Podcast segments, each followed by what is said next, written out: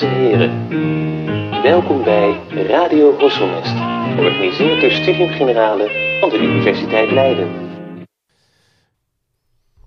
Beste luisteraars, welkom bij een nieuwe aflevering van Radio Horselnest. Vandaag schrijft historicus Tristan Mostert voor de tweede keer bij ons aan.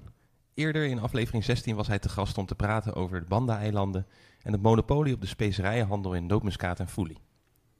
Dit is wellicht de bekendste specerijoorlog, maar zeker niet de enige. We blijven ditmaal min of meer in dezelfde regio, de Molukken, maar richten ons op de centrale en noordelijke eilanden van deze archipel. En we richten ons op een andere plant, de kostbare bloesem van de kruidnagelboom.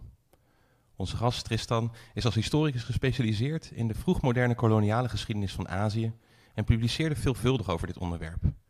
Dit voorjaar ronde hij zijn promotieonderzoek af en verdedigde zijn proefschrift getiteld Spice War, Ternate, Makassar, the Dutch East India Company and the Struggle for the Ambon Islands, uh, circa 1600-1656. Op indrukwekkende wijze combineert hij hierin de politieke, militaire, economische en ecologische geschiedenis van de Molukken in de 16e en met name de 17e eeuw. Op basis van archiefonderzoek en literatuuronderzoek reconstrueert Tristan het verloop van de allianties, conflicten, verdragen en algehele concurrentiestrijd tussen de machtsfacties in dit gebied. Een strijd die uiteindelijk uitmondt in de grote Ambonse of Hohamelhalse oorlog en eindigt met het handelsmonopolie op kruidnagel van de VOC. Daarbij laat hij zien dat het verloop van dit monopoliestreven moet worden geduid vanuit een bredere historische context, met voldoende oog voor de andere spelers. Het sultanaat Ternate, de opkomst van de rivaliserende sultanaat Goa en de stad Makassar op Zuid-Celebes en de politieke situatie op Ambon en Seram. We zijn blij dat hij wederom bij ons wil aanschrijven om ons mee te nemen naar deze bijzondere episode uit de wereldgeschiedenis. Tristan, welkom. Dank je. En dan ligt er zo'n enorm proefschrift inmiddels klaar. Ook nog gefeliciteerd namens Radio Horselnest natuurlijk, met het behalen van de doktersgraad. En dan, ja, dan is natuurlijk toch ook de vraag van waarom dit, waarom dit onderzoek? Waarom um, dit proefschrift gaan schrijven? Nou ja, dat is een uh, goede vraag in die zin dat ik van oorsprong eigenlijk van plan was een heel ander soort proefschrift te schrijven. Dus mijn, uh, mijn interesse toen ik hier alweer veel te lang geleden aan, uh, aan begon, was met name in dat dat sultanaat Goa, dus Makassar, dus die stad op Zuid-Sulawesi. En er is een heel debat. Het is een vaak gebruikte case study in militaire geschiedenis, omdat het een Zuidoost-Aziatisch rijk is dat allerlei Europese militaire innovaties overneemt. Ik dacht, dat is wel interessant om nader uit te zoeken. Maar naarmate mijn onderzoek vorderde, kwam ik er eigenlijk steeds meer achter dat wat echt interessant was, was wat die Makassaren oostelijker deden in, in de Molukken, waar op dat moment dus uh, de Nederlanders proberen dat specerijenmonopolie te krijgen. En ik kwam er gaandeweg achter dat die conflicten die daar plaatsvinden gigantisch groot zijn, afschuwelijk. En dat we eigenlijk maar één klein deeltje daarvan het altijd over hebben, dat is Banda. Maar dat je Banda eigenlijk niet kon begrijpen zonder te kijken naar dat enorme uh, conflict uh, daaromheen. Dat, dat nog decennia lang uh, duurde en dat de hele regio omspande. Dus nog vrij laat in mijn onderzoek heb ik eigenlijk bedacht, nou dan moeten we het maar omgooien. Dan moet het, moet het daar maar over, over Over een andere boeg. Een hele, ja. ja. tenminste, niet per se over een andere boeg, maar eigenlijk om dat in te passen in een veel groter historisch plaatje eigenlijk. Ja. ja. Ja, en, en je bent ook uiteindelijk dan ook, um, toen, toen, toen dat meer concreet werd eigenlijk deze onderzoeksvraag, heb je ook bezoek gebracht aan, aan dit gebied. Dat klopt, ja. Dus dat was, uh, dat was eigenlijk relatief laat, zou je kunnen zeggen. Dus vlak voor corona was ik, uh, uh, was ik voor het eerst... Ik was een paar keer al in, in Makassar geweest, omdat ik ook nou, daar mijn onderzoek op ging richten. Maar op het laatst ben ik dus ook nog afgereisd naar inderdaad Ambon, een aantal van de eilanden daaromheen, Ternate. Dat is wel interessant. Waarom is dat interessant? Om een aantal dingen waar we het, gok ik, later nog over gaan hebben. Dus bijvoorbeeld om een beetje een gevoel te krijgen voor dat landschap. De, de forten die daar heel belangrijk zijn. Dus niet alleen die Nederlandse forten, maar ook de inheemse fortenbouw, waar tot nu toe heel weinig aandacht voor was. En het is ook, was het heel interessant om te zien hoe deze geschiedenis daar echt nog leefde. Dus uh, bijvoorbeeld op Hitu. Her en der is, is die geschiedenis verdwenen, zou je kunnen zeggen. Mm-hmm. Ook omdat de Nederlanders nou, hun best hebben gedaan om die samenleving uit te wissen en daar her en der ook in geslaagd zijn. Op Hitu niet, en daar weten mensen nog donders goed van. Oh ja, daar, daarboven was dat, dat fort waar we het nog uh, drie jaar hebben uitgehouden. nadat de rest van Hitu eigenlijk al was, uh, was opgerold, et cetera. Dus het was heel interessant om, om te zien hoe dat, hoe dat leefde nog steeds in die gemeenschappen. Hè, die dorpen, die ken je allemaal uit je onderzoek, die liggen daar allemaal nog. Ja, natuurlijk. Ja. En uh, uh, nou, dat was heel... Uh, en je kan dus ook die forten bezoeken. Ook dus, ook de, van, van, er zijn ook nog dus forten wel te, te bezichtigen. Ja, nou bezichtigen is niet in de Nederlandse zin van het woord. Nee, dus er is ook... Dit is eigenlijk wel een interessant punt. We duiken daarmee meteen de specifics in, maar zo is het. Interessant is dat heel veel van de, laten we zeggen, wat meer toeristische monumenten op de Molukken zijn Nederlands gebouwde forten. Hè, uh, Fort Victoria mag je dan niet in, dat is nog steeds een militaire basis, maar de forten op de, uh, op de Banda-eilanden allemaal, hè, dus ja. Belgica en Nassau. Precies. Ja. En ook in de wat meer de Ambonse regio, dus Duurstede en Amsterdam. Dat zijn echt toeristische trekpleisters. Die zijn ook vaak makkelijk toegankelijk, want er is een weg naartoe, want ze liggen altijd aan de kust. En die inheemse forten zijn eigenlijk een beetje vergeten. En als je die wil zien, dan moet je ook uh, uh, klimmen, weet je wel, want die, die forten liggen altijd op de berg. En wat erbij komt, is dat die forten dus meestal onder dwang van de Nederlanders zijn afgebroken. Dus wat je nu nog ziet, zijn wat uh, fundamenten. En de mensen dan in het dorp daaronder weten nog dat het er lag. En voor hun is Ja. het belangrijk, maar het heeft wat minder grote publieke uitstraling, om het zo maar te zeggen. En je kunt er nou bijna niet komen zonder gids. Dus hoe dat dan gaat, kijk, als je met een cruise daar bent en je wil Fort Amsterdam zien, dan kun je er naartoe met de taxi. Ja. Als Ja. je naar eh Kapahaha wilt, dan zul je naar dat dorp moeten gaan, zul je een afspraak moeten maken met de lokale Raja. en die regelt dan een gids of weet ik wat. En dan ga je de volgende dag eh, naar boven. Dus dat heeft wel, nou hoe zal ik het zeggen, een, een andere vibe. En je moet Ja, eh, wat meer in investeren. Maar het kan wel en het is ontzettend, eh, ontzettend interessant natuurlijk. Ja. Ja, en, en misschien ook, dat- we duiken, we duiken inderdaad een klein beetje de specifics in, maar dat roept natuurlijk ook de vraag op van waarom vinden we dan de ene fortificaties, laten we zeggen, aan de kust en vinden we de andere fortificaties inlands? Misschien is het goed om ook daar al iets over te zeggen, althans dat is een vraag die bij mij dan, meteen opkomt. Dat heeft denk ik heel erg te maken met de strategieën ook in die, eh, in die conflicten. En het heeft ook gewoon te maken met de cultuur en samenleving die daar bestond. Dus het is wel interessant, want er zijn allemaal dingen verschenen eh, in de loop der tijd... waarin beweerd werd dat er in de Molukken eigenlijk niet echt werd gefortificeerd. Ja, Dat ja. is totale ja. eh, onzin eigenlijk, als ik het mag zeggen. Dus de grap is, er is daar van oudsher heel erg een cultuur van rivaliteit tussen die dorpen. En die sturen koppensnellerstochten naar elkaar, et cetera. Dus ja, als dat eh, de wereld is waarin je leeft, dan ben je gek als je ongefortificeerd aan de kust gaat wonen. Je kijkt wel link uit, je woont ergens op een heuvel en je hebt een, een, een soort van muur of wat niet. Je zorgt dat je zo'n aanval ziet aankomen en enigszins hopelijk kunt afslaan. Ja, ja. Wat je ziet is dat eigenlijk die traditie, die weet zich toch redelijk goed aan te passen aan de komst van vuurwapens en de Europeanen, et cetera. Dus je bouwt de muur wat hoger, je komt eh, op de een of andere manier aan wat eigen vuurwapens, vaak kleine draaibasjes, kleine kanonnen. En daarmee weet je die Europeanen eh, af te slaan. En de grap is natuurlijk dat voor de lokale bevolking is dat binnenland is als het ware waar ze veilig zijn, want daar kunnen de Nederlanders niet opereren. De Nederlanders zijn echt gebonden aan de kusten, dus die bouwen hun forten ook, ook daar. Dus je ziet dat dat ja, twee sporen, twee manieren zijn van, eh, van je verdediging op orde proberen te brengen. Ja. Misschien moeten we eens, ook, dat hebben we in aflevering 16 ook al een klein beetje gedaan, maar toch ook even iets kort zeggen inderdaad. Want, want je zegt al van je wilde ook, toen je daarheen reisde, ook een gevoel krijgen voor het gebied.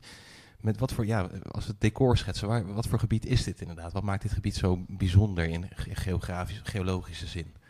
Ja, de Molukken zijn eigenlijk een, een heel uniek gebied in een aantal opzichten. Dus ze liggen eigenlijk tussen twee um, continentale platen in, zou je kunnen zeggen. Ze, zijn, ze zitten een beetje op de kruising tussen de Pacifische plaat, eh, de, de Australische plaat en de ehm, Eurasiatische eh, continentale plaat. Die, die botsen daar eigenlijk op elkaar. En het, de, de, de Molukken, zou je kunnen zeggen, zijn een soort ehm, product van, van het geweld daarvan. Dus zijn meestal eh, wat dan continentale fragmenten worden genoemd, dus stukjes afgebroken continentale plaat. Eilanden komen uit zee eh, door het vulkanisme, zijn vaak relatief jong ten opzichte van de landmassa's daaromheen. Het zeewater is diep en dat betekent ook dat het gebied een heel unieke soortendiversiteit heeft. Dus ja, Australië heeft natuurlijk van oudsher allemaal eigen eh, eh, soorten, de kangoeroe, neem het. Eh, alle soorten die we kennen uit, uit Azië. En daartussen is dus een gebied met een heel ja, eigenlijk eigen karakter. unieke planten en diersoorten die je eigenlijk nergens anders zult, zult vinden. Wel interessant altijd om bij stil te staan is dat die specerijen daar eigenlijk ook onderdeel van zijn. Hè? Dus die, zijn, die, die komen nergens anders voor. En die zijn ook ontzettend ja, hoe zullen we het zeggen, verknoopt met het gebied. Dus de hortus hier beneden, waar we op uit zouden kunnen kijken als we naar het raam eh, lopen, die hebben volgens mij een kruidnagel en een Ja, nootmuskaatboom, Klopt, toch? ja. Ja. En die doen het voor geen meter, want alleen al dat het licht hier anders is, dus dat de dag, dag en de nacht niet even, even lang is, daar heeft hij al last van. Nou ja, dat is dus... eh, Ja, ze groeien erg armetierig. In Ja, de tropenkas, als mensen willen gaan kijken. De grote tropenkas. Je kan ze wel zien, staat een bordje bij. Maar inderdaad, wat je zegt, dus het blijft een beetje armetierig. Ja, Ja. en ze gaan ook, eh, dus zelfs in de 17e eeuw zijn er wel pogingen om ze dan ehm, bijvoorbeeld naar een, eh, naar een hortus, eh, hè, dus ergens anders aan het praten krijgen. Nou ja, ze groeien wel, maar je krijgt nooit, eh, nooit bloemetjes, eh, dus je krijgt ook nooit kruidnagel. Dus dat is ook wel interessant, dat inderdaad, dus het, het feit dat die specerijen alleen daar op die paar kleine eilandjes voorkomen, is ook heel erg ver- verbonden eigenlijk met die unieke, ja, die, die, die unieke soorten diversiteit die je daar Ja. hebt. Ja. Ja, ja, ja. En je hebt natuurlijk de hele vruchtbare grond van die vulkanische nieuwe eilanden die eigenlijk opkomen. Ja. En, en, en wanneer, waar moeten we ongeveer dan het begin van de, die, die teelt in kruidnagel plaatsen? Want ik kan me voorstellen, die plant, die, die boom, die groeit daar al een hele tijd. Net als eigenlijk no, verschillende nootmuskaatsoorten en zo. En, maar wanneer wordt die, zeg maar, echt, in ja, wordt die echt gecultiveerd op een grotere schaal? Ja, dat weten we dus eigenlijk niet heel precies. Maar we kunnen het een klein beetje afleiden uit eh, met name dan Portugese bronnen. Dus je, eh, er wordt vermoed dat oorspronkelijk... Dus er is, er zijn, is allerlei bewijs dat kruidnagel al heel vroeg werd verhandeld... en er wordt algemeen aangenomen dat het toen gewoon in het wild werd, eh, werd verzameld. Wat je ziet is dat in de Portugese tijd, dus ook de tijd waarvan we wat meer geschreven bronnen hebben... het echt al op enige schaal wordt, wordt gecultiveerd. Dus dat die bomen, hè, die worden echt aangeplant. Daar wordt kanarie tussen geplant. Dat geeft wat schaduw voor die planten daaronder. Wordt vrijgehouden van andere begroeiing. Ja, veel onkruidgebied, hè? Dat, Ja, precies, wordt echt inderdaad. gebied. Ja, dus, en dat is wel interessant, want dat staat eigenlijk in enig contrast tot de, de gebruikelijke eh, landbouw in het gebied. Weet je wel, voor eten eh, hebben mensen van die tuinen die ze dan een tijdje gebruiken, waarvan alles door elkaar groeit. Weet je, nou ja. Ja, van die bostuinen inderdaad. Ja, van die bostuinen, Ja. van die ladang. En dan heb je eigenlijk al in die 16e eeuw zie je dat juist die kruidnagelteelt en de nootmuskaatteelt natuurlijk dito banda echt heel erg georganiseerd is. Bijna, ja, bijna een soort mono, eh, monocultuur. En dat lijkt iets te zijn echt van de tijd dat de, eh, de handel in deze producten enorm eh, opbloeit. Dat is vanaf de late 15e eeuw, de 16e eeuw, 17e eeuw, die, die periode dat het echt, ja, echt wordt gecultiveerd, zoals Ja. je zegt. Ja, en wat, wat moeten we voorstellen, een beetje bij zo'n bij zo'n oogst, zeg maar. Wanneer, we- dus, ik zei het al even, inderdaad, het is van die bloesem inderdaad. En je zei het ook van, het wordt eigenlijk inderdaad als het bijna een soort van monopolie inderdaad, of ehm, zeg ik dat goed, monocultuur, pardon. Wordt het, wordt het gecultiveerd? Hoe moeten we zo'n oogst ons voorstellen, zeg maar? Is dat Ja, eens per jaar? eh, Ja, precies. Dat is eens per jaar. Dat, eh, en dat moet dan ook razend rap. Het is een beetje als het, het droge seizoen eh, begint, dan gaat die kruidnagelboom gaat dus bloemetjes maken. En de kruidnagel, dit is wel grappig. Ik vraag dat ook wel eens aan studenten. Van, nou ja, goed, hier is een kruidnagel. Wat denk je dat het is? Weet je wel? Dan zie je mensen kijken, nooit over nagedacht. Een stokje of zo? Krijg nou wat, het is een bloemknop. Weet je wel? Zodra je het Ja. ziet, dan zie je het. En het zijn dus inderdaad de bloemknoppen. Dat betekent ook dat als je ehm, iets te lang wacht met oogsten, dan worden het bloemen en dan, dan heb je er niks meer aan. Dan is het geen, eh, geen kruidnagel meer.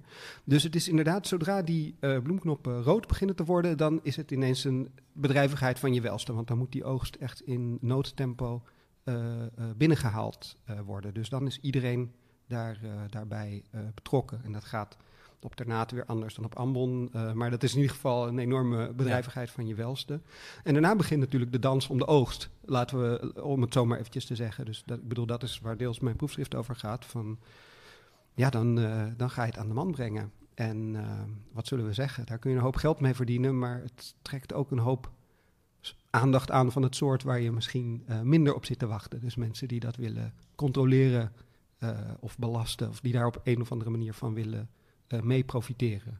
ja. Waaronder prominent eh, de VOC. Ja. Ja, ja, ja, ja, precies.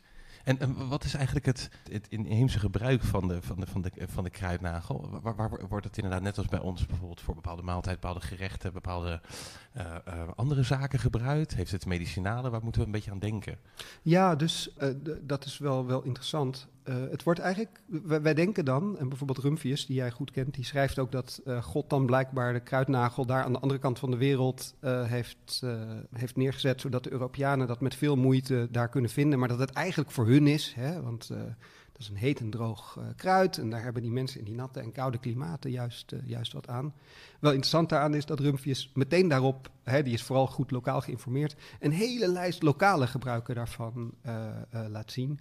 Nou, ik, ik heb ze niet allemaal paraat, maar het is wel denk ik ook goed om te weten dat kruidnagel dus een ook licht verdovende werking heeft. Dus dat het ook allerlei medicinale gebruiken kent in trouwens allerhande systemen van geneeskunde. Dus er is ook uh, een enorme markt, ook in die tijd al voor kruidnagel, in India, in China.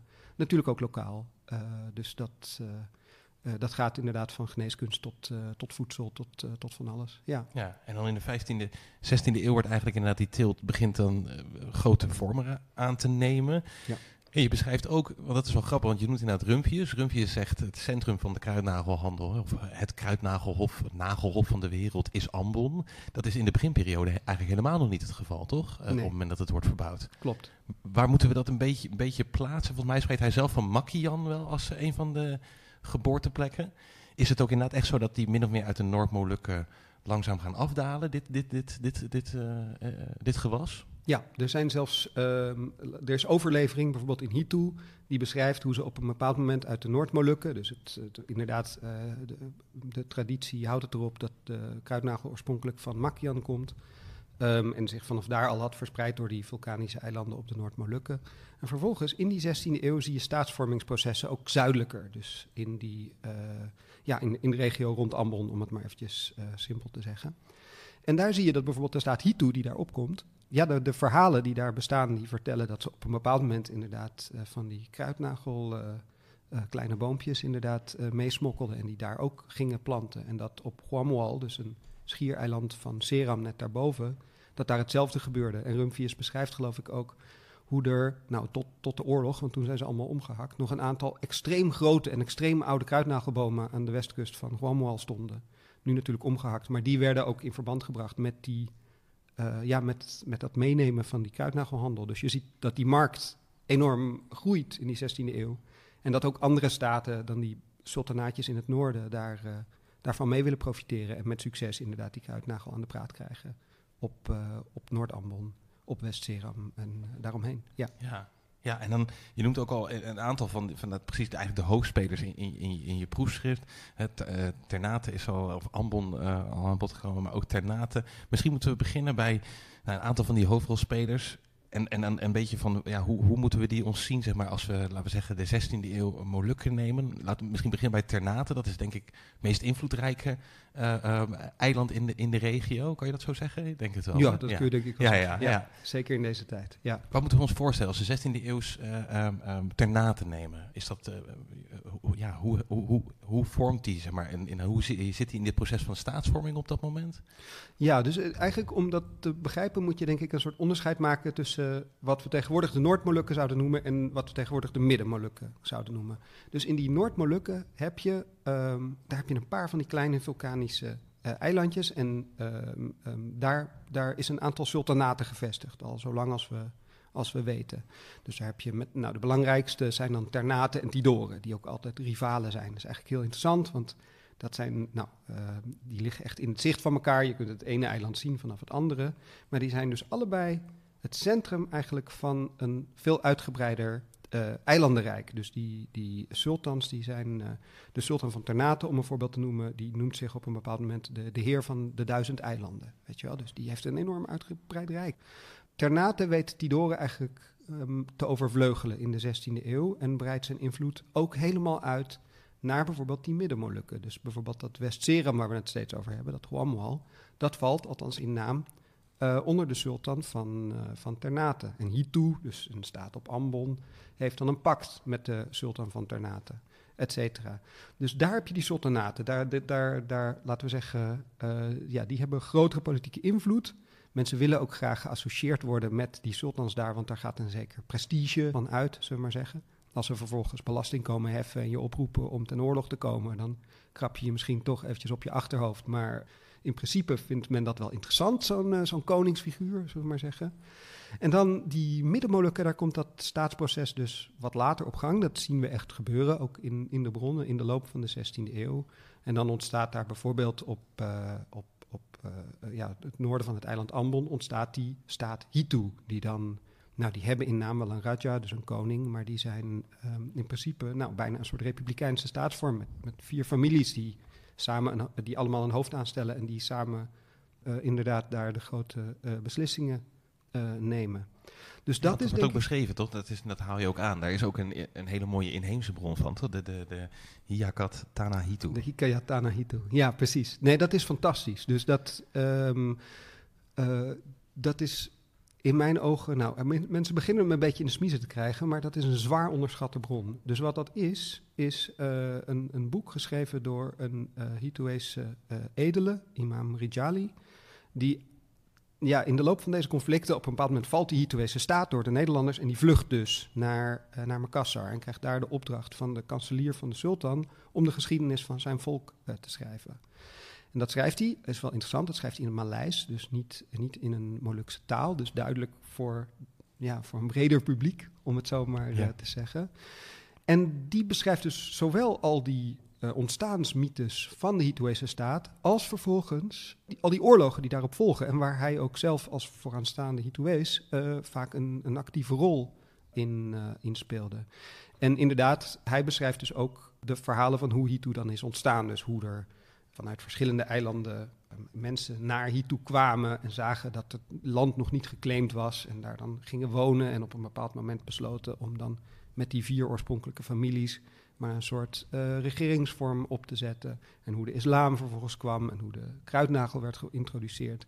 Dus dat is allemaal, het is natuurlijk in de loop van het vertellen, uh, het is, hij, schrijft, hij, schrijft waarschijnlijk op basis van orale overlevering. Mm -hmm. Je ziet dat het allerlei ja, dat het een soort mythe is geworden. Maar de, de ingrediënten zijn waarschijnlijk historisch wel uh, min of meer juist. Dus dat, uh, het is wel inderdaad een belangrijke bron voor hoe de Hituese staat is, uh, is ontstaan. Ja. ja, vooral en met ogen van binnen in plaats van ogen van buiten die dat proberen natuurlijk ja, te, dat, te, te, beschrijven. Precies. Ja. En, en, hoe belangrijk al, want dat, dat was dus ook een, een imam. Hoe belangrijk is ook zeg maar, religie in dit, in dit vroege soort staatsvormingsproces van die Noord-Molukken en Centraal-Molukken? Speelt dat een belangrijke rol? Ja, ik denk het wel. Dus je ziet. Um, kijk, het is eigenlijk de, de, tijd dat de Portugezen daar komen, is dezelfde tijd dat de islam, met name in die Midden-Molukken, belangrijk wordt. En je ziet dat dat conflict heel erg. Ik bedoel, dat gaat uiteindelijk natuurlijk ook om, vooral om economische dingen, namelijk toegang tot kruidnagel. Ja.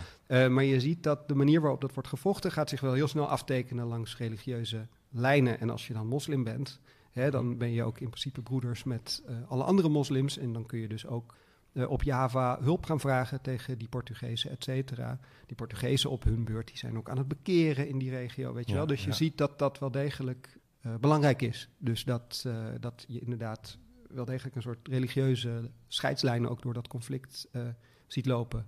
Dus misschien is het dan goed om eventjes te vertellen. Kijk, nog steeds is het, het, zeg maar het zuiden van Ambon is nog steeds christelijk. Het noorden van Ambon is nog steeds uh, islamitisch. Er zijn echt twee, twee ja, het zijn bijna een soort twee uh, armen. Ik spreek het ook met, ja. met een krabbenschaart. Dus het heeft, dat is een zuidelijk eiland bij Timor en dan noordelijk inderdaad Hitu. En het noordelijke is duidelijk beduidend groter dan, dan het zuidelijke. Klopt. Ja. Ja, en dan dus het, het zuiden en, en het, net het gebied aan de, aan de baai daartussen, dat, uh, dat is christelijk. En dat is ook echt uit de tijd van de Portugezen. In de tijd van de Portugezen is het dat geworden. Dus de Portugezen hebben aanvankelijk een bondgenootschap met Hitu. Nou, dat wordt steeds minder gezellig. En op een bepaald moment worden ze Hitu letterlijk uitgezet. En dan trekken ze maar naar het zuiden. En daar uh, zijn de mensen nog animistisch. Daar is die uh, staatsvorming minder ver. En daar slaan ze dan uh, aan het bekeren. En dat, dat werkt blijkbaar.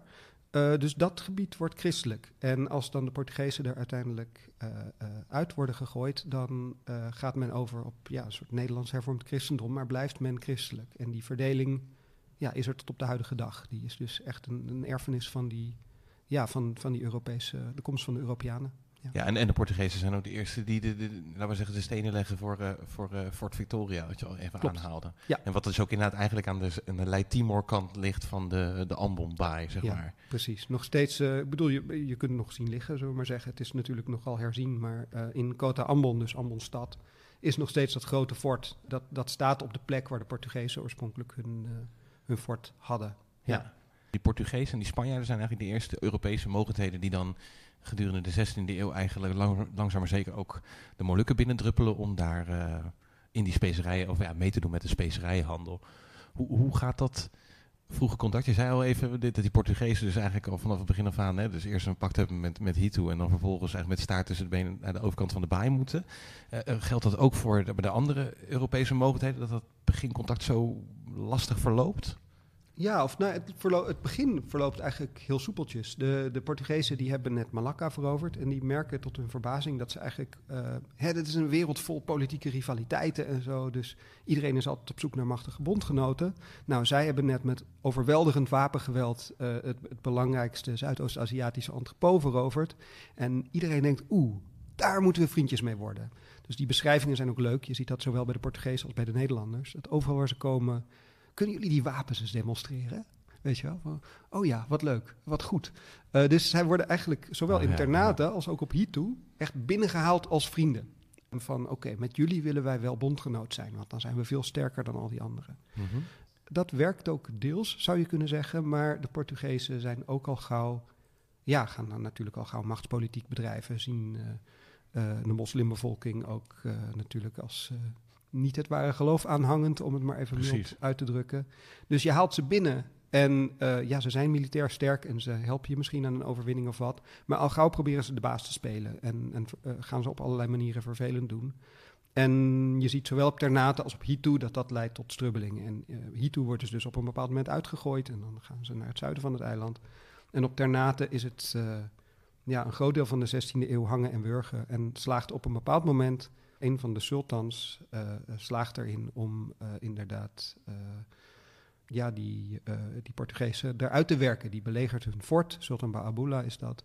En dit is ook de tijd dat het Portugese imperium een beetje begint af te brokkelen. Dus die Portugezen krijgen maar geen hulp. En op een bepaald moment geven die zich over en trekken die zich terug naar, naar inderdaad Ambon. Dus dan heb je eigenlijk, ja, is Ternate weer onafhankelijk van Portugese invloed. En dat is een enorme bloeiperiode. Want juist in die tijd weten ze ook hun macht enorm uit te breiden. En zijn ze eigenlijk een heel belangrijk ja, imperium, zou je kunnen zeggen, in dit, uh, in dit gebied. Ja. En, en, en dan heb je het ook natuurlijk vooral ook over de opkomende uh, uh, machtige imperium, wat zich eigenlijk ook langzaam begint uit te breiden. Makassar, of, of eigenlijk Sultanaat Goa. Uh, kan je daar meer over vertellen?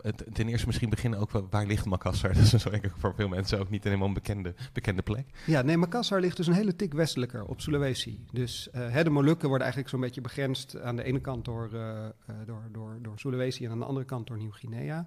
En dan op het, nou, zeg maar het zuidwestelijke schiereiland van Sulawesi komt in die tijd een rijk op met een heel belangrijke, of een handelsstad die steeds belangrijker wordt. En dat is, dat is Makassar. En wat je eigenlijk ziet is dat al in die late 17e, of sorry, uh, in die late 16e eeuw is Ternate enorm zijn macht aan het uitbreiden. Makassar heeft zo langzamerhand heel Zuid-Sulawesi onder controle en begint ook langzaam maar zeker over zee um, uh, allerlei eilanden de baas over te spelen. Dus je moet je daarbij een soort ja, vazalrelaties voorstellen. Um, en op een bepaald moment botsen die invloedssferen. En dat is een beetje eind 16e eeuw. En dat is ook de tijd dat uh, ja, de Nederlanders en de Engelsen zich door, daar voor het eerst vertonen. Dus je hebt meteen een heel complex politiek speelveld, uh, zullen we maar zeggen. Ja, ja en, en, en dan het begin, uh, die, die beginperiode, daar schrijf je ook over dat eigenlijk, eerst komen de Nederlanders, of eigenlijk verschillende handelscompagnieën, nog niet de Verenigde Oost-Indische Compagnie, dat, dat is iets, die wordt iets later opgericht. En dan zitten we een beetje heel begin 17e eeuw, toch eigenlijk, dat we de eerste, laten we zeggen, de handelsvloten krijgen, die dus inderdaad de Oost aandoen en die dus ook uh, kruidnagel gaan verhandelen. En hebben die dan een, laten we zeggen, eh, vergelijkbaar verloop als die Portugees. Ik heb soms ook wel het idee, dat als ik het lees, dat het ook een beetje een soort stok is om al die andere Europese mogelijkheden dan weer mee te slaan, uh, die, die, die VOC. Nou, dat is precies wat er gebeurt. Dus um, op Hitu bijvoorbeeld wordt dat, wordt dat eerste verdrag gesloten. En dat is specifiek een, een verdrag waarbij ze proberen die verdraaide Portugezen, met wie dan uh, Hitu weer in oorlog is, er samen uit te werken. Hè? Uh, jullie vijand is onze vijand en uh, dus, zijn wij, uh, dus zijn wij vrienden. En je ziet ook dat dat gebeurt. Dus in, in 1605 weten inderdaad de Nederlanders en de Hituezen samen die Portugezen te verdrijven. En dan nemen de Nederlanders nemen dat, dat Portugese fort over. In Ternate zie je iets vergelijkbaars. Daar zijn het op dat moment, interessant genoeg, de Spanjaarden. Dus de Portugezen zijn daar uitgeschopt. De Spanjaarden komen vervolgens um, ja, vanuit de Filipijnen, waar zij dan uh, zitten, komen ze hun Portugese vrienden helpen, zullen we maar zeggen. Oh, ja, dus die ja. nemen eigenlijk uh, Uh, die veroveren op een bepaald moment uh, Ternate in, in 1606. En dan komt Ternate de Nederlanders om hulp vragen. Van, kunnen jullie helpen die Spanjaarden eruit te werken? Nou, dat lukt dan niet helemaal, maar ze weten wel een deel van het eiland te veroveren. Bouwen daar een nieuwe hoofdstad en dan heb je dus een Nederlands Ternate. En vervolgens gaan ze dus die sultan gebruiken, hè, want die heeft overal macht, invloed en aanzien... om hun eigen belangen na te streven. met name natuurlijk het kruidnagelmonopolie. Dus ja, je ziet heel duidelijk dat de, de Portugezen en Spanjaarden en al hun, hun vijandschappen die ze hebben opgebouwd, dat, ja, dat de Nederlanders worden binnengehaald als manier om daar misschien vanaf te komen. En dat blijkt dan ook weer niet altijd helemaal het gewenste effect te hebben op lange termijn. Nee, precies. Ja, en, en ja, nee, nee, nee, nee, allerminst inderdaad. En, en, en zie je dan ook dat dat dan de VOC eigenlijk vanaf het begin af aan ook al echt dat monopoliestreven heeft? Is het niet eerst dat ze denken van het is gewoon fijn handelswaar, we zijn een van de handelspartners in de regio, we proberen zoveel mogelijk geld te verdienen? Of is echt dat monopoliestreven al iets wat ook aan het begin al eigenlijk erin zit uh, voor de VOC? Nou, je ziet het heel snel ontstaan. Dat is denk ik de beste manier om het uh, te zeggen. Dus kijk, ze worden opgericht, de VOC, als echt... Uh, hey, je hebt wel dat, uh, die, die clausule in het, in het octrooi... waarbij zij dan uit naam van de Staten-Generaal oorlog mogen voeren... verdragen mogen sluiten, et cetera.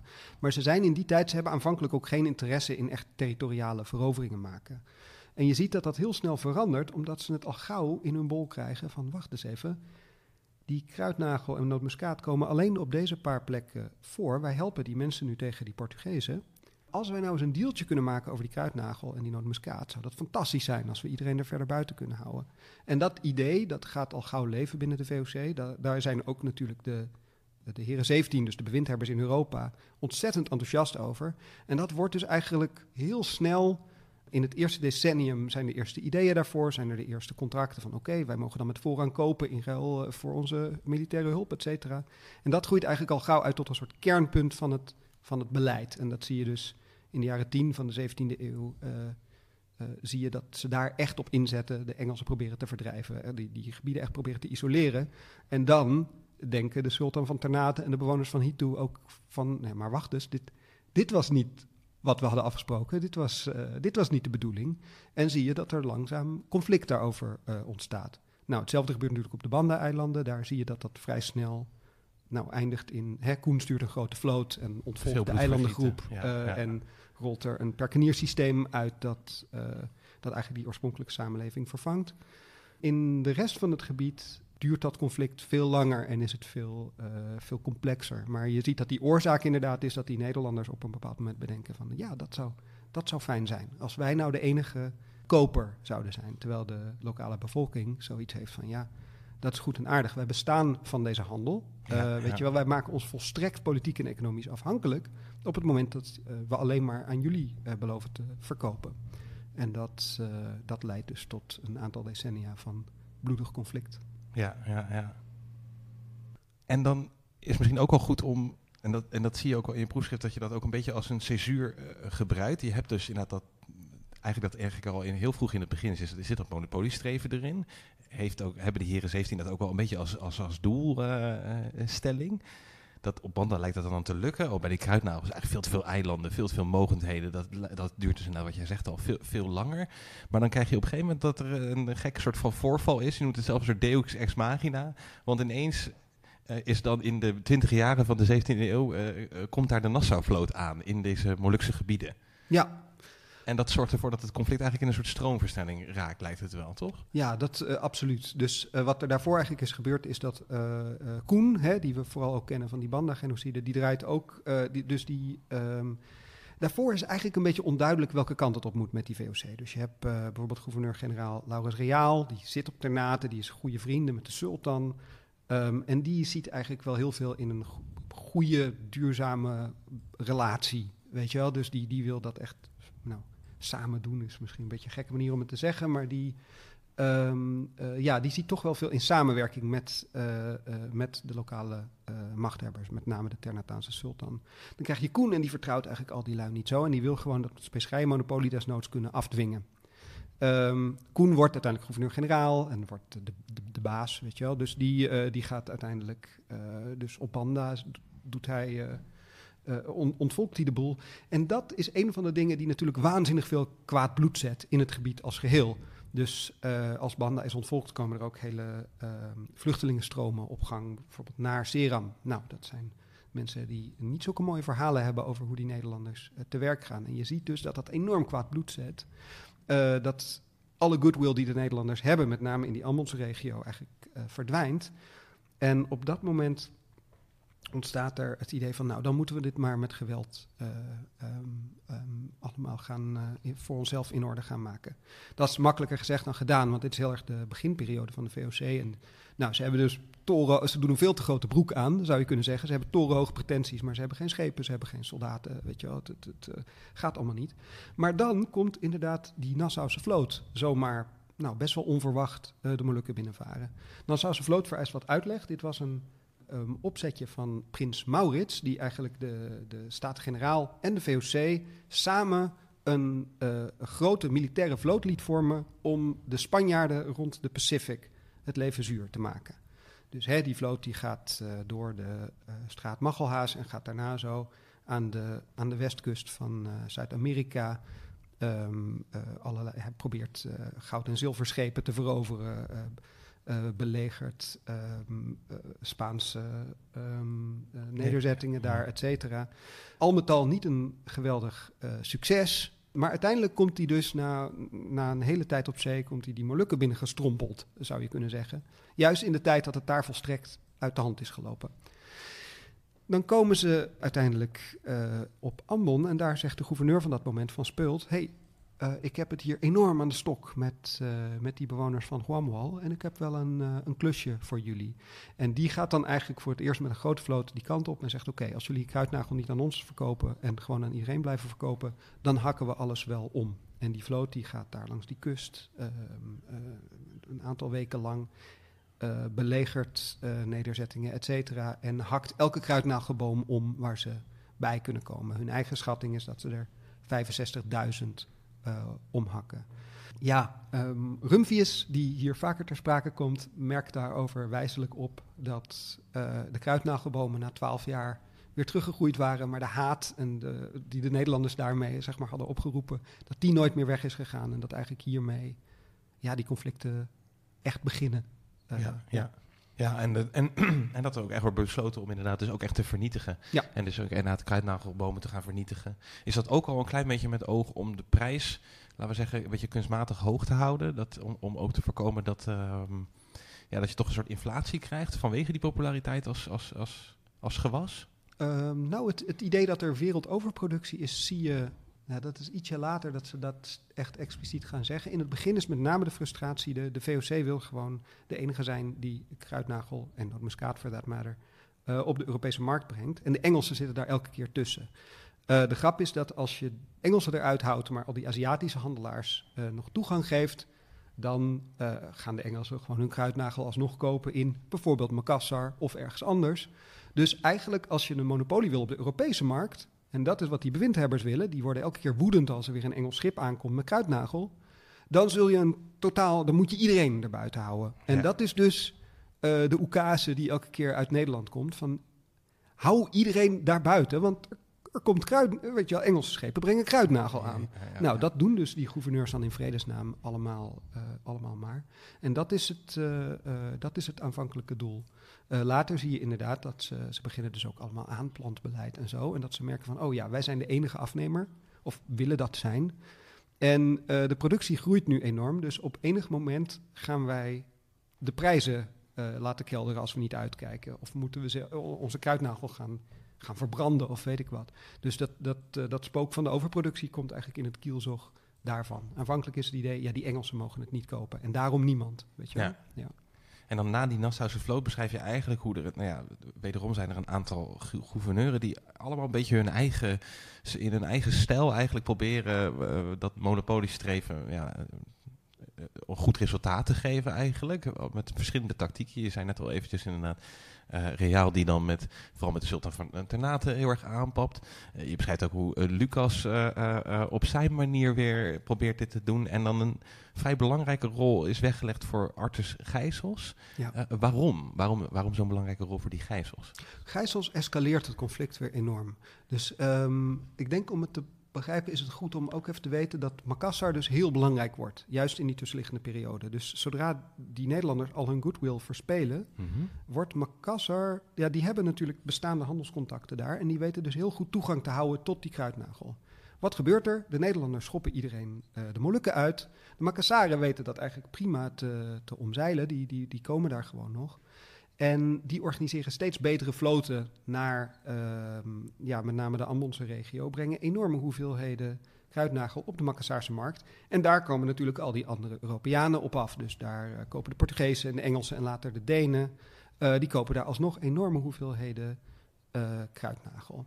Dus al gauw wordt een soort doel van, oké, we moeten die Macassaren hier buiten de deur houden. En, en een aantal Javaanse handelaars, et cetera. Maar met name die Macassaren, die zijn, die zijn gevaarlijk voor ons monopolie. Uh, Lucas, dus uh, de opvolger van die van Speult, van de Nassause vloot, die gaat logischerwijze achter die Macassaarse vloten aan. Die probeert blokkades, die, die, weet je wel, die achtervolgt die schepen als ze er zijn, et cetera. Uh, zijn opvolger, Gijsels, die maakt er eigenlijk weer echt een, ja, maakt er echt weer een groter conflict van. Zijn um, idee is wat meer van, ja, gaat nooit werken, weet je wel. De zee is te groot, we krijgen nooit al die schepen te pakken. Te veel uh, eilanden ook. Te veel eilanden, ja, ja. te veel baatjes. Te, te, uh, dat lukt niet. Dus als we dit uiteindelijk willen winnen, dan zullen we de verkopers hier moeten aanpakken. En dat doet hij door inderdaad uh, dorpen die betrekkingen onderhouden met die handelaars aan te vallen en wederom uh, alle kruidnagelbomen om te hakken. En dat escaleert hij ook steeds verder. Dus het is, het is op een bepaald moment niet alleen kruidnagel, maar we vernietigen al jullie bestaansmiddelen. Dus de sago, palmen, die gaan om. De, uh, de bananen, de kokosnoot. Uh, elke, uh, elke, elke vorm van vruchtdragend hout wordt, wordt gekapt. Dus hij voert eigenlijk een soort ja, een soort vuile guerrilla-oorlog. Ja, je noemt het zelf inderdaad een, milieu, een milieuoorlog. Ja. Ja, en je, en je beschrijft ook dat, dat, dat, dat die verandering van tactiek, misschien aardig om, om wat langer bij, ook wat langer bij stil te staan. Want er is nog, en dat schrijf je eigenlijk ook wel, of laat je eigenlijk heel keurig zien er ook in, in je proefschrift. Er is toch altijd al een beetje dat idee, laten we zeggen bij Jared Diamond en, en, en, en consorten, dat laten we zeggen, in deze periode, het Westen, zeg maar, uh, uh, de technologische superioriteit op militair gebied, dat laat zich gelden in, in dit soort regio's. En, en eigenlijk vind ik juist dat je in je proefschrift heel mooi laat zien dat dat eigenlijk niet helemaal opgaat. Dat eigenlijk je ziet eigenlijk dat, dat het leger zich heel erg moeten aanpassen aan deze regio. Heel erg moeten gaan kijken naar hoe, hoe vecht je eigenlijk oorlog in, in, in, in dit eiland, in deze eilandenarchipel. Heel anders, met hele andere uitdagingen. En dat zie je denk ik heel mooi bij die, bij die gijzels terugkomen, toch? Ja, zeker. Ja, dus de, de grap is, er, er was op een bepaald moment een heel, inderdaad een, een, heel veld, uh, een, een heel verhaal binnen de militaire geschiedenis dat dan inderdaad Europeanen een aantal militaire innovaties deed, met name in die 16e eeuw, uh, die ze vervolgens enorm hielp uh, over zee om overal hun macht te gaan projecteren.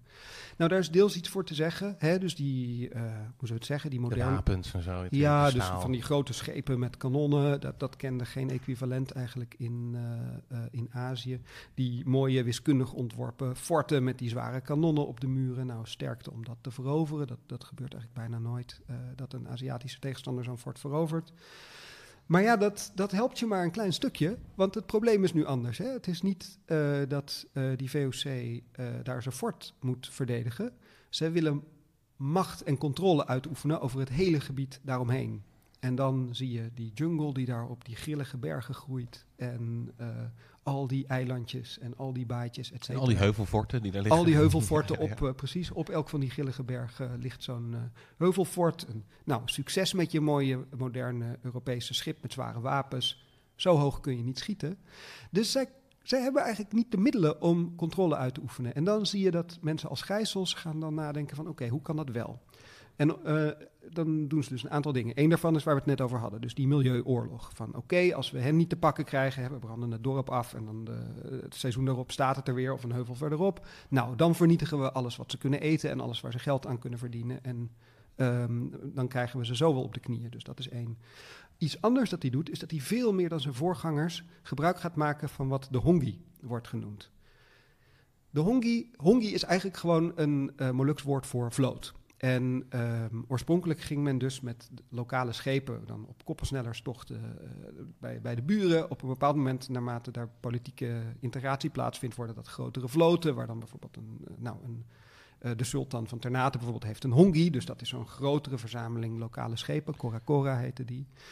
En, ja, dat, ehm, dat, moet, echt, dat moet je echt ook voorstellen. Ik heb wel eens platen gezien bij Valentijn inderdaad. Maar je moet je echt voorstellen dat een Ambon ligt vol inderdaad met orenbaais, grote, grote boten met, met he, echt e-, flinke schepen. Het zijn dan inderdaad niet die diepe uh, handelsschepen en zo van, van, de, van de Europeanen. Maar het zijn niet te min aanzienlijke uh, uh, vaartuigen. Ja, ze zijn indrukwekkend. Het zijn er ook, uh, op een bepaald moment zijn de Nederlanders, uh, is de VOC dan inderdaad, uh, nou, tientallen kunnen ze er inderdaad oproepen. Dus dat, um, dat zijn indrukwekkende uh, floten. Je moet je er um, inderdaad, wat je moet voorstellen, een soort hele grote, uh, vaak dubbele kano met een soort uitlegger. Soms een zeil, soms niet, maar uh, echt.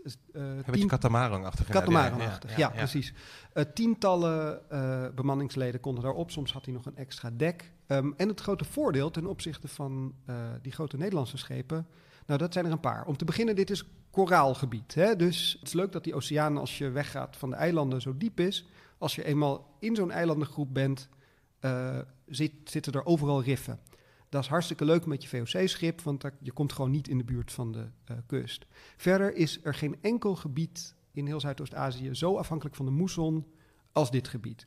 Dus af en toe heb je wind tegen. Dan kun je gewoon maandenlang ja, kun je gewoon een bepaalde kant kun je gewoon niet, uh, niet op. Niet opzijden, ja. ja, ja precies, die Cora Cora ja. zijn geroeid, weet je wel. Dus die, die, dat moet je je voorstellen als een soort herendienst. Dus uh, uh, de Cora Cora, de, de hongi wordt bijeengeroepen.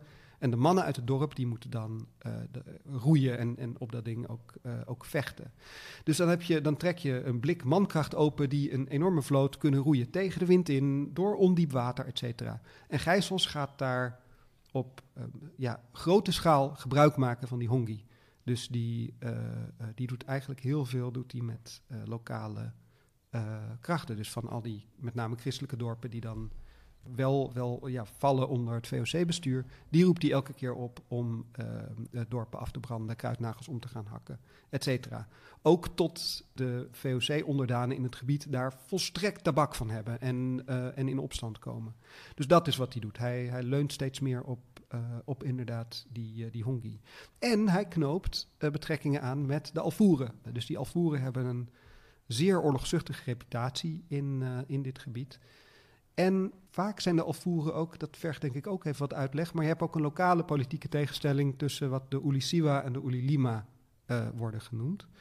En de Ulisiwa zijn vooral christenen en de Ulilima zijn vooral moslims de, ja, de, de, de natuurgeloven zeg maar, in, in de binnenlanden van Seram zijn ook voor een belangrijk deel Ulisiwa. Die zijn dus eigenlijk in het bestaande politieke systeem een beetje de natuurlijke vijanden van die moslimhandelaars aan de kust.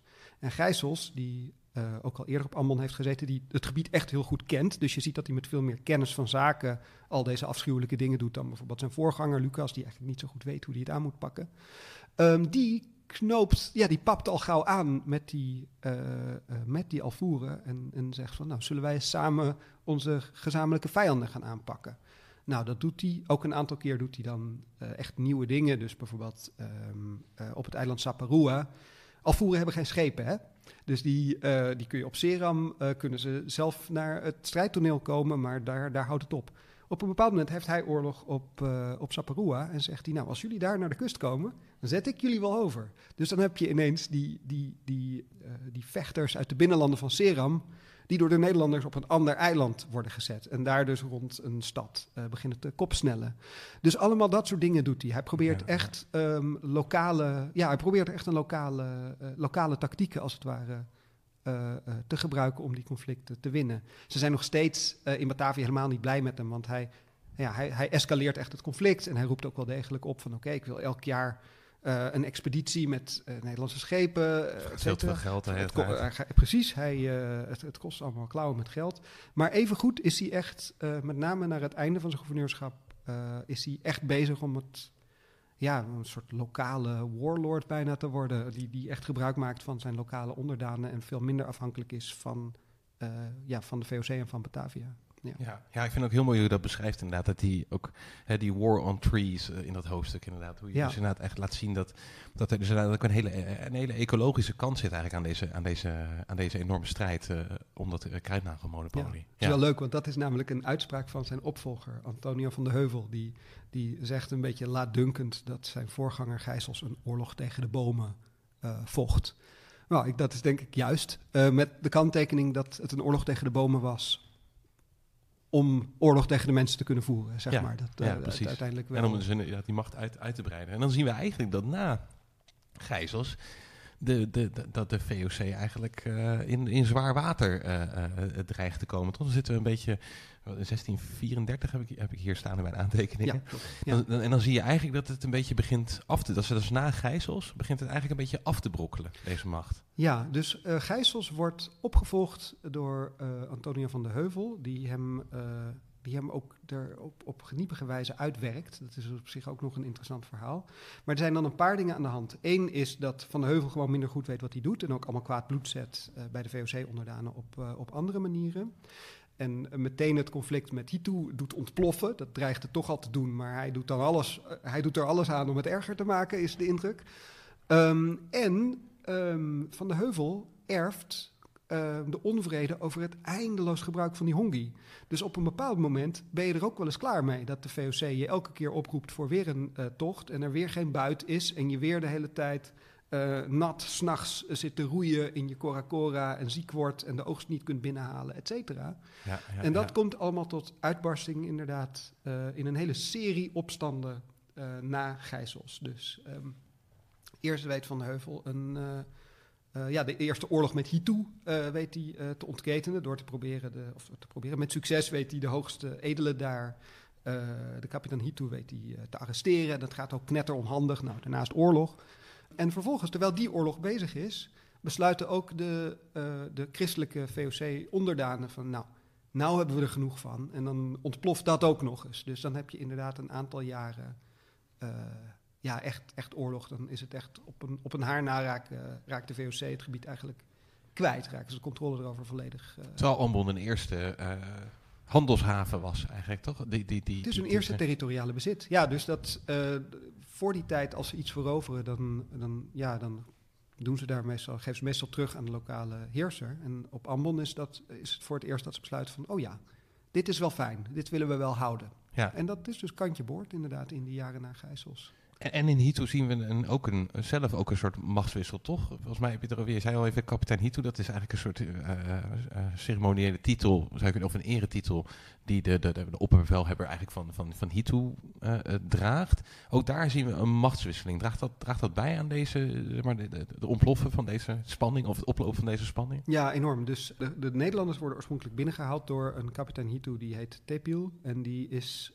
ja, die haalt die Nederlanders binnen tegen de Portugezen. Is aanvankelijk ook heel blij met ze. En is eigenlijk de rest van zijn uh, heerschappij. probeert hij ook steeds die situaties te lijmen. Hè? Dus hij gaat ook bijvoorbeeld mee naar Banda. om te kijken of daar nog iets onderhandeld kan worden. Uh, dat lukt uiteindelijk niet. En uh, nou, de, de, hè, dat loopt dus helemaal verkeerd af. Dito met de Nassause vloot. Dus hij probeert dan in ieder geval te zorgen dat Hitu niet mee hoeft te doen. met, met deze hele campagne. En gaat op een bepaald moment naar uh, Van Speel toe en zegt van nu is het genoeg. Weet je wel, ze zijn, eh, je hebt, uh, al, ze zijn meer dan voldoende aangepakt. Stop. Weet je? Dus hij probeert ja, ja. elke keer. Hij zit natuurlijk ook vreselijk tussen twee vuren, want hij is uh, islamitisch. Hij is in naam bondgenoot van die Nederlanders. En vervolgens maken die Nederlanders met iedereen uh, ruzie met al zijn oorspronkelijke uh, vrienden en bondgenoten in het, uh, in het gebied. Dus dat is een lastige positie om, om in te verkeren. En je ziet dat als hij sterft en wordt opgevolgd door Kakiali. Kakiali geeft de Nederlanders veel minder het voordeel van de twijfel. Dus dat, is ook, dat, dat gaat eigenlijk vooraf aan die opstand. Kakiali volgt Tepiel op. En er zijn meteen allemaal geruchten dat hij van alles in zijn schild voert tegen die Nederlanders. Dat is ook de reden dat Van de Heuvel hem arresteert. Nou, en dat is dan de lont in het kruidvat. En daarna is het gewoon oorlog met, uh, met Hitu. Ja. ja, en, en dan zien we eigenlijk dat, dat er een flinke interventie eigenlijk nodig is vanuit Batavia. We krijgen gouverneur van, generaal van Diemen. Uh, moet orde op zaken worden gesteld. En, ehm, en dan zien we ook dat ook Makassar zich weer nog meer begint te roeren. En met grote, een grote oorlogsvloot richting Hohamahal komt. En we zitten hier eigenlijk al een beetje in de oploop naar, of de opbouw naar, wat dan uiteindelijk dat hele grote, of ja, die oorlog, eigenlijk een hele onbekende oorlog, maar niet voor niks de grote Hohamelhalse oorlog, grote Ambonse oorlog heet. Kan je een klein beetje naar de, de, de, de sketch the scene, zeg maar, van wat, wat, wat, wat, wat uh, hoe, hoe komt het tot dit, deze grote oorlog, die echt meerjaren gaat, gaat, gaat duren en veel, veel gebied ook beslaat? Ja, Even kijken, ja, dan, eh, dan moeten we denk ik even met zeven mijlslaarzen door, ja, door wat er in de ja, tussentijd ja, dat ik ook uh, te denken, uh, gebeurt. Uh, dus wat je ziet inderdaad in, in brede zin is dat um, naarmate die verschillende bewoners van de Middenmolukken teleurgesteld raken in zowel de VOC als de sultan van Ternate, die in veel gevallen toch een soort marionet van de Nederlanders blijkt, of in ieder geval niet hun belangen nastreeft, ja, naar wie kun je dan voor politieke steun? En dat, dat wordt in toenemende mate Makassar. Hè? Dus die hebben nog steeds interesse in die kruidnagel. Maar die zijn ook bereid om hun toegang daartoe gewapend te, te handhaven. Uh, en dat maakt ze dus ook, wat, wat je ziet, is dat meermaals leiders van Guamual en Hitu um, zich wenden tot, uh, tot Makassar en zeggen: Nou, wij willen wel, ons wel onder jullie scharen en wij, willen wel dat u onze sultan wordt, als u ons nu maar in vredesnaam komt helpen. Uh, tegen die Nederlanders en tegen de sultan. Een van die interventies van Makassar, dus die komen echt een aantal keer met een grote vloot daar naartoe, leidt tot een tegeninterventie van de Nederlanders, die uiteindelijk ertoe leidt dat Hitu valt en op, ophoudt te bestaan als, als staat. Um, hetzelfde gebeurt eigenlijk op Guamual. Daar heb je ook een uh, uh, lokale leider, de Kimalaha. en op enig moment wordt de Kimalaha die naar Makassar elke keer kijkt voor hulp, wordt een beetje aan de kant gezet en opgevolgd. Door iemand die de Nederlanders wel gevalliger is. En je ziet eigenlijk dat de Nederlanders zo tegen het einde van de jaren 40 van de 17e eeuw eigenlijk het gebied voor het eerst best wel onder controle hebben. Dus ze hebben een. Hitu bestaat niet meer. Uh, op dat West-Seram, dat Guamual, zit een politieke leider die met ze samenwerkt. De sultan van dat moment van Ternate is best wel hen wel gevallig. Dus voor het eerst hebben ze echt een soort controle. En je ziet dat eigenlijk onder het bestuur van uh, een, gouverneur genaamd Arnold Vlaming. Zie je dat er evengoed daar onder de oppervlakte allemaal frustratie en zo ontstaat. Met name omdat ze toch wel gaan inzien, uh, dus bijvoorbeeld die politieke leiders, dat ze eigenlijk ja, klem zitten, weet je wel. Dat ze uh, al hun ambities eigenlijk onmogelijk worden gemaakt door dat, die Nederlandse controle. Als de Nederlanders dat monopolie eenmaal min of meer hebben, dan komen ook al hun instincten voor productiebeperking en zo weer om de hoek kijken. En daar is de Vlaming die, uh, die, die verzint allerlei schemes van oké, dan moeten we daar de bomen gaan omhakken en weet ik wat allemaal. Nou, dat zet natuurlijk ook enorm kwaad bloed, want dit is de... Ja, de bestaansgrond voor veel mensen. Ja, op afstand de belangrijkste uh, bron van inkomsten in het gebied. En het gebied heeft al enorm geleden financieel onder het verdwijnen van de makassaren, et cetera. Dus dat is trouwens wel wezenlijk om daar, daar even op te wijzen. Dus die uh, de Nederlanders houden die prijs dus heel kunstmatig laag. Uh, daar komt een deel van dit conflict ook, uh, een belangrijk deel van het conflict komt daaruit voort. Dat die Nederlanders, die hebben die contracten, krijg je waanzinnig weinig betaald. Die Makassaren kunnen drie, vier keer zoveel soms betalen voor die kruidnagel. Nou, als die dus uit het plaatje verdwijnen en iedereen zich braaf houdt aan de Nederlandse verdragen, dan hebben we het, ja, dan, dan, dan verarmt de regio. daar komt bij dat ook de sultan van Ternate, die legt enorme tributen op en zo. Dus ehm, men heeft het zwaar, laten we zeggen, in die tijd. En dat uh, draagt ook bij aan de onvrede. Wat er nog bij komt, is dat de Nederlanders uh, her en der in gebieden die in naam onder de sultan van Ternate vallen, um, zendelingen beginnen te sturen. Dus het christendom proberen te verspreiden. Dat is helemaal niet zo'n uh, groot, grote schaal of zo. Maar is natuurlijk, laten we zeggen, in de, het cultuur, religie en identiteitsaspect van dit hele conflict is dat waanzinnig belangrijk. Dat ze daar het christendom proberen te verspreiden. Dat ze enorm kwaad bloed bij de moslimbevolking. En dat ontaart uiteindelijk, of dat leidt uiteindelijk tot uh, die, uh, die Majira, dus die leider van West-Seram, die bereidt een gigantische verrassingsaanval voor op, op al die verschillende Nederlandse posten in het, uh, in het gebied. Ja, want daar eigenlijk aan de kust, en dat is zo'n kaart ziet, heb je inderdaad op allerlei verschillende plekken, hebben we daar kleine handelsposten, fabriekje, of, uh, ja, en, en, en, kleine fortificaties, allemaal op dat, uh, op dat schiereiland. En, die, en die begint hij dus eigenlijk één voor één begint hij die lastig te vallen. Nou, niet één voor één. Het is, het is waanzinnig goed gepland. Dus het is de, de, de gouverneur van dat moment heeft eigenlijk geen, geen idee dat er iets gaande is. Er zijn wel wat tekenen dat blijkbaar uh, die Majira wat in zijn schild voert. En dan echt van de ene op de andere dag worden al die plekken tegelijk aangevallen en worden de meeste ook ingenomen. Uh, dus de Nederlanders wederom zijn bijna de controle over het gebied kwijt. Al hun buitenposten vallen zo'n beetje. echt Victoria en een aantal plekken op, op het, echt het eiland Ambon zelf zijn nog, zijn nog over.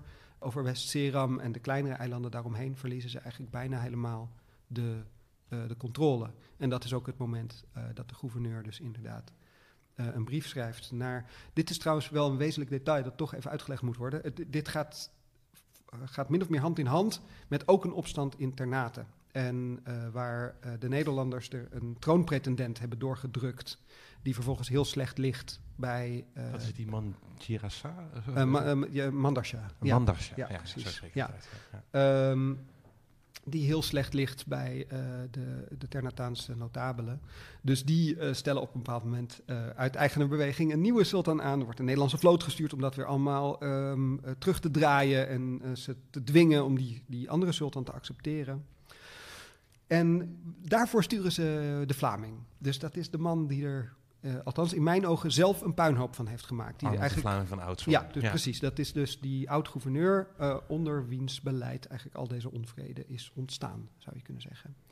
Um, hij is dus op Ternate en dan bereikt een bericht uit Ambon van help, uh, um, we zijn overal aangevallen, we zijn eigenlijk de controle over bijna alles behalve ons kerngebied kwijt, kom nu hierheen. En dat, dat doet hij dan. En dat is inderdaad het begin van wat de grote Ambonse of grote Guamoalse uh, oorlog wordt genoemd. En dan mag, in mijn ogen althans, mag de Vlaming zijn eigen rotzooi komen opruimen. En dat doet hij op uh, nou, een, een niet heel prettige wijze. Nee, hij wordt ook wel ijzervreter genoemd uh, door verschillende uh, bi biografen, inderdaad. En, en, en, maar het is op zich wel opmerkelijk. Jij, kiest in je proefschrift wat meer voor de grote Oamohalse oorlog. Terwijl toch ook, ja, in de geschiedschrijving is het ook wel vaak de grote Ambonse oorlog. Waarom die voorkeur een beetje voor Hohamohal? Ja, ik bedoel, ergens misschien voor de hand liggend, maar... Ja, ik ben er ook niet over uit. Kijk, de grap is, uh, Ambon is altijd een verwarrende term, omdat Ambon is het eiland, ja. maar Ambon is ook, ze noemen het hele gebied het Ambons uh, kwartier, weet ja. je wel? En dat is trouwens niet alleen iets Nederlands, dat is ook... Uh, uh, dus bijvoorbeeld Hikaya Tanahitu spreekt over Tana Ambon. En dan bedoelen ze echt het hele gebied. Ja, uh, dus het is altijd een beetje lastig. Maar één, één ding staat voorop. het conflict wordt maar beperkt uitgevochten op Ambon zelf. Het is mm -hmm. echt een oorlog, met name tegen die Kimelaha van Guamual. Dus ik vind dan de Guamualse oorlog althans iets minder een misnomer, ja. om het zo maar te zeggen. Maar het is wezenlijk om erop te wijzen. Het is geen conflict dat beperkt blijft tot Guamual. Al deze conflicten hingen samen en dit conflict zet echt de hele oostelijke archipel in de fik. Het wordt uh, uitgevochten van Makassar tot allerlei eilandjes waar de Nederlanders nog nooit zijn geweest. Tot ook de Zuid-Molukken, waar de Makassaren dan weer steunpunten hebben. Dus het, um, het, het escaleert enorm. Het is echt een groot conflict, een groot regionaal conflict. Ja. Ja, en je krijgt dan eigenlijk die, die, die soort Indische partisanenstrijd, die, die, dat die Majira ook wel bijna een soort hele bijzondere status krijgt. Dat is ook een beetje, uh, dat vertelde jij volgens mij een keer aan mij, dat, dat er is een soort episode waarin dan wordt verteld dat er een heel gelid aan musketiers die schiet op hem en hij echt zonder kleerscheuren weet hij ook nog, uh, weet hij ook nog weg te komen. Ja, precies. En uh, op ja. allerlei manieren weet hij ook wel een beetje een soort echt een rebel, als een soort rebellenleider. En er komt steun vanuit, heel belangrijk, uh, vanuit Makassar inderdaad, ja. om, om eigenlijk die VOC nog verder onder, onder uh, ja, in de hoek te duwen. Klopt. Ja, dus dat is inderdaad voor de tweede keer dat er een grote Makassaarse vloot komt. En dat is inderdaad omdat uh, Majira en, en, nog een andere leider, uh, Kachili Saidi, die sturen um, inderdaad vertegenwoordigers naar Makassar met weer hetzelfde verhaal van ja, we worden nu bedreigd in onze religie en in ons bestaan en kom ons helpen als moslimbroeders en dan willen wij voortaan wel uw onderdanen zijn.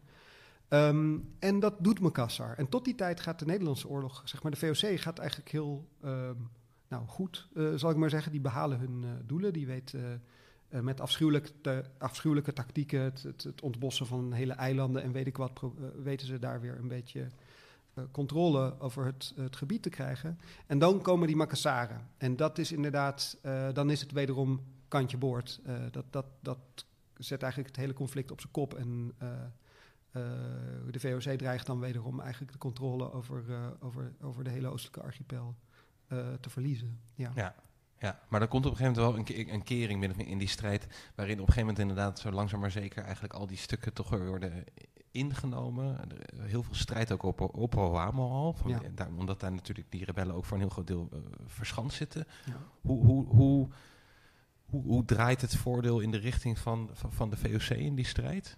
Moeilijk Um, maar wat, wat uh, de Vlaming, een van de Vlamings inzichten in deze periode is dat Makassar heeft dus ook een imperium, als je het zo wilt noemen. Mm -hmm. En hij ziet steeds meer in dat Makassar alleen die enorme militaire interventie kan volhouden door al die andere steunpunten die het heeft. Waar je voorraden kunt halen, waar je ook uh, zeg maar mensen kunt oproepen voor militaire uh, diensten, et cetera.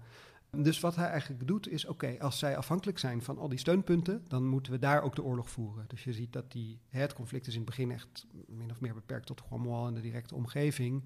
Maar dat hij op een bepaald moment ook de, hè, de oostkust van Sulawesi, uh, Bima in de Zuid-Molukken, uh, neem het. Dus dat het een veel groter conflict wordt. Dat hij echt die Makassaren overal opzoekt waar ze zitten. En dat combineert hij eigenlijk met wederom uh, wat je milieuoorlogvoering zou kunnen noemen. Dus hij heeft haarfijn in de gaten. Oh ja, dus daar groeit nog sago. Sago vergt misschien wat uitleg, maar dat is de, ja, voornaamste bron van uh, koolhydraten, zetmeel in het gebied. Dus dat hebben we een paar keer genoemd. Het is een prachtige ja. palmsoort inderdaad die daar, die daar groeit. Soms een beetje in een... Nou ja, ze groeit een beetje aan, aan, aan het water, toch? Ja, uh, ja een, een moerasachtige uh, omgeving hebben ze nodig. Ja, ja. ja. en zo'n zo enorme palm die dan op, op een gegeven moment moet je hem op een goed moment moet je hem omhakken, net voordat hij bloeit. En daar zit daar ontzettend veel uh, zetmeel in. Dat is eigenlijk in het hoofdbestanddeel, of hoofdvoedsel van een groot deel van de, van de Molukse eilanden.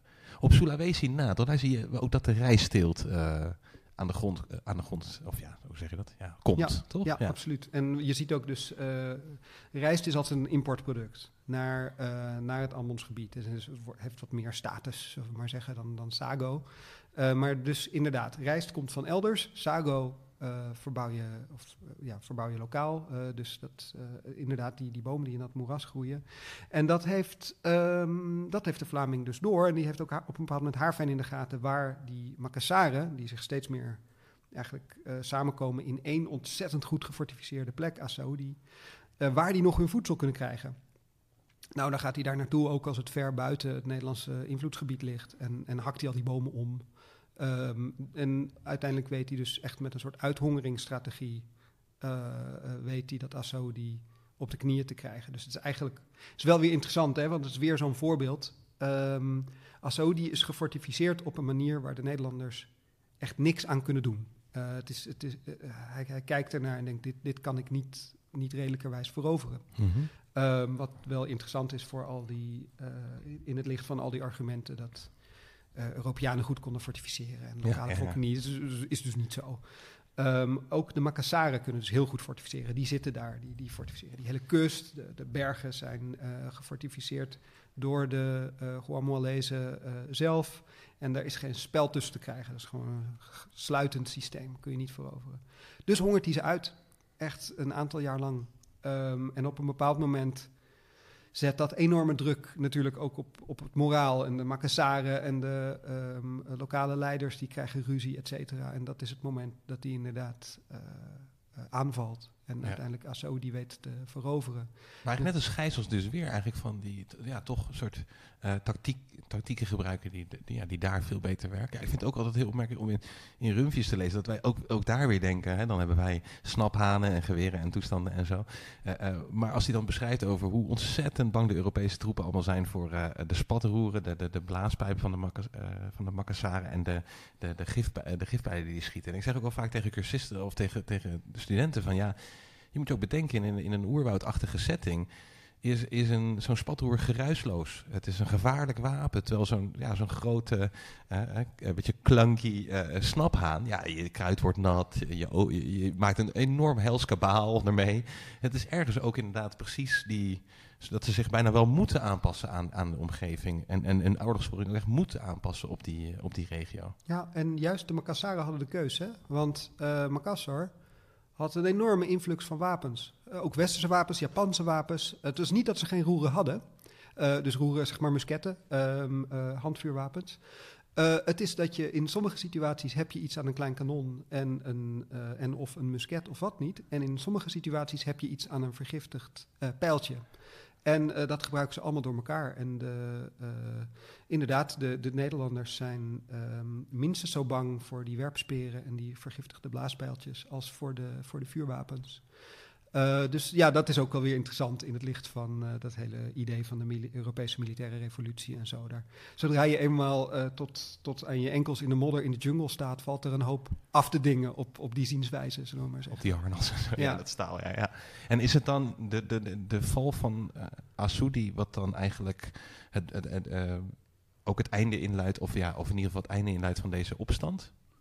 Ehm, ja, in zekere zin wel. Wat je, er is daarna nog wat, eh, eh, ja, wat, wat aftermath, zullen we maar zeggen. Dus de, de, de, eh, de, de, ja, mensen vluchten in, in grote aantal uit Assaoudi, weet je wel. Het verzet breekt. de mensen vluchten de binnenlanden in. Om dat te voorkomen heeft Gijsels eerder een soort linie gebouwd waar ze dan niet langs zouden kunnen. Daar komen ze toch omheen. Maar vervolgens trekken die overlevenden allemaal het Alvoeren gebied op. Op het, eh, ja, het, hoofd, het, het, het grote, ehm, de binnenlanden van Seram trekken ze dan, eh, dan in.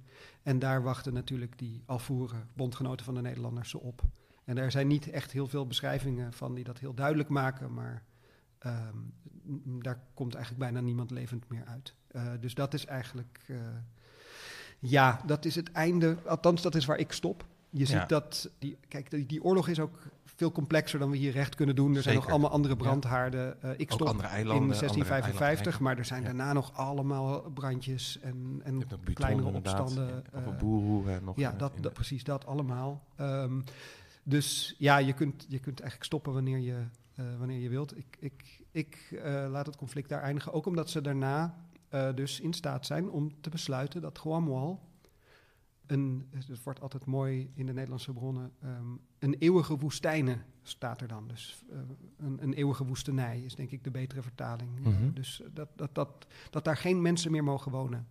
Dus ze heffen daarna echt die politieke structuur die daar bestond helemaal op.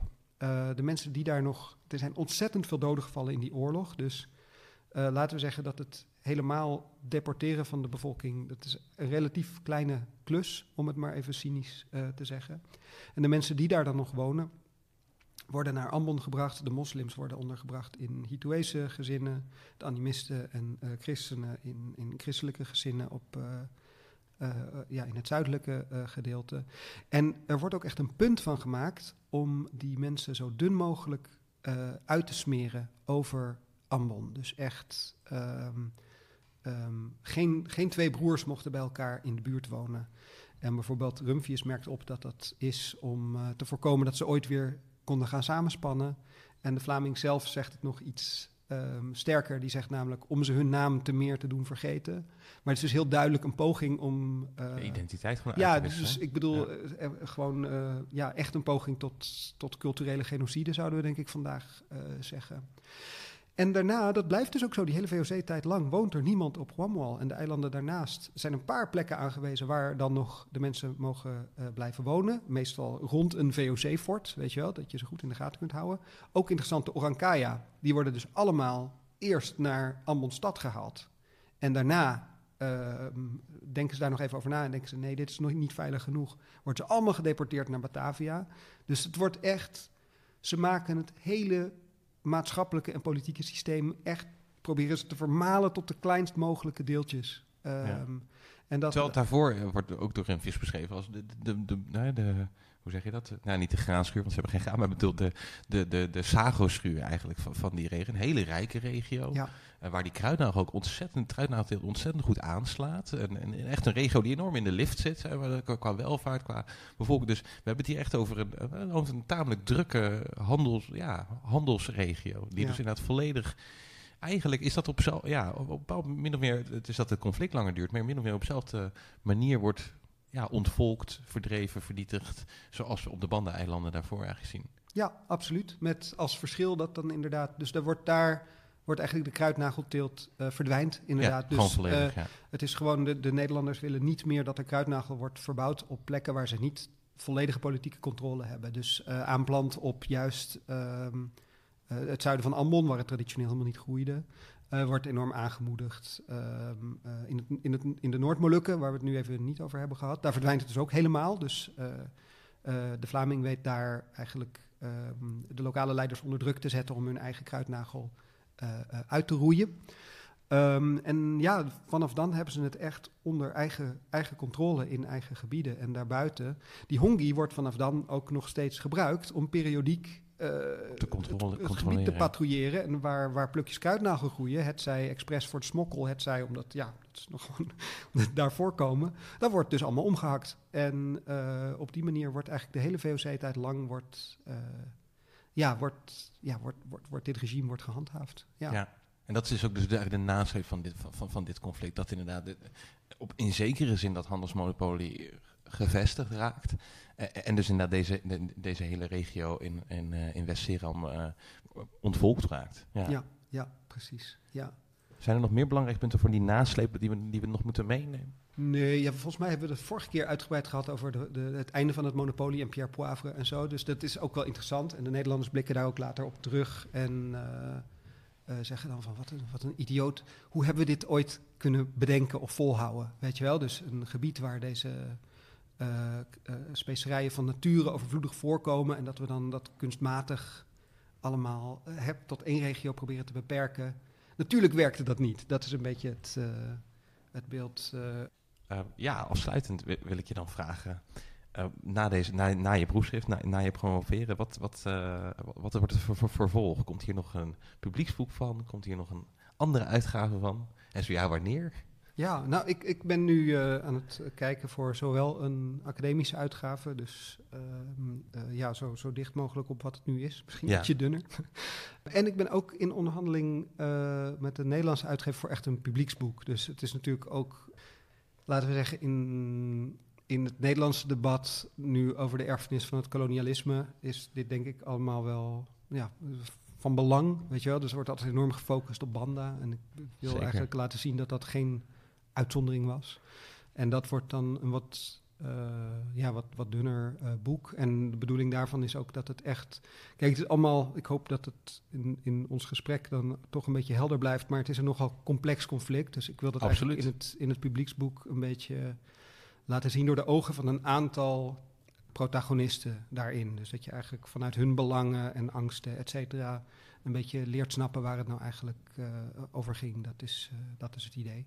Ja. Dus eh, ja, nou... Hey, laat keurig zien inderdaad hoe, in wat voor ontzettend complex machtsnetwerk of eigenlijk verweven, ja, verwevenheid van politieke eenheden, dat, hoe daar die VOC eigenlijk instapt en een rol gaat spelen en een speler wordt en, en dan uiteindelijk een, een, een, een, hoofdspeler. Maar dat dat, dat dat helemaal niet, nou ja, goed, dat hangt ook een beetje aan elkaar van toevalligheden af en toe en van, eh, eh, van geluk. Ja, zeker. Ja, absoluut. Dus het Ja. is een paar keer echt eh, kantje boord. En so- soms heel willekeurige dingen die dan inderdaad de tij weer keren. Ja, Ja. Nee, ik vond het heel mooi hoe je die verwevenheid laat zien eigenlijk inderdaad van die handel en, en, en dat hele politieke machtsspel wat daar, wat daar gaande is. Dus ik, ik wil je danken voor je komst. ja met plezier. Ja. En ook de luisteraars thuis bedankt voor het luisteren en eh, tot de volgende keer. Dit was weer een aflevering van Radio Horselnest. Dank u voor het luisteren.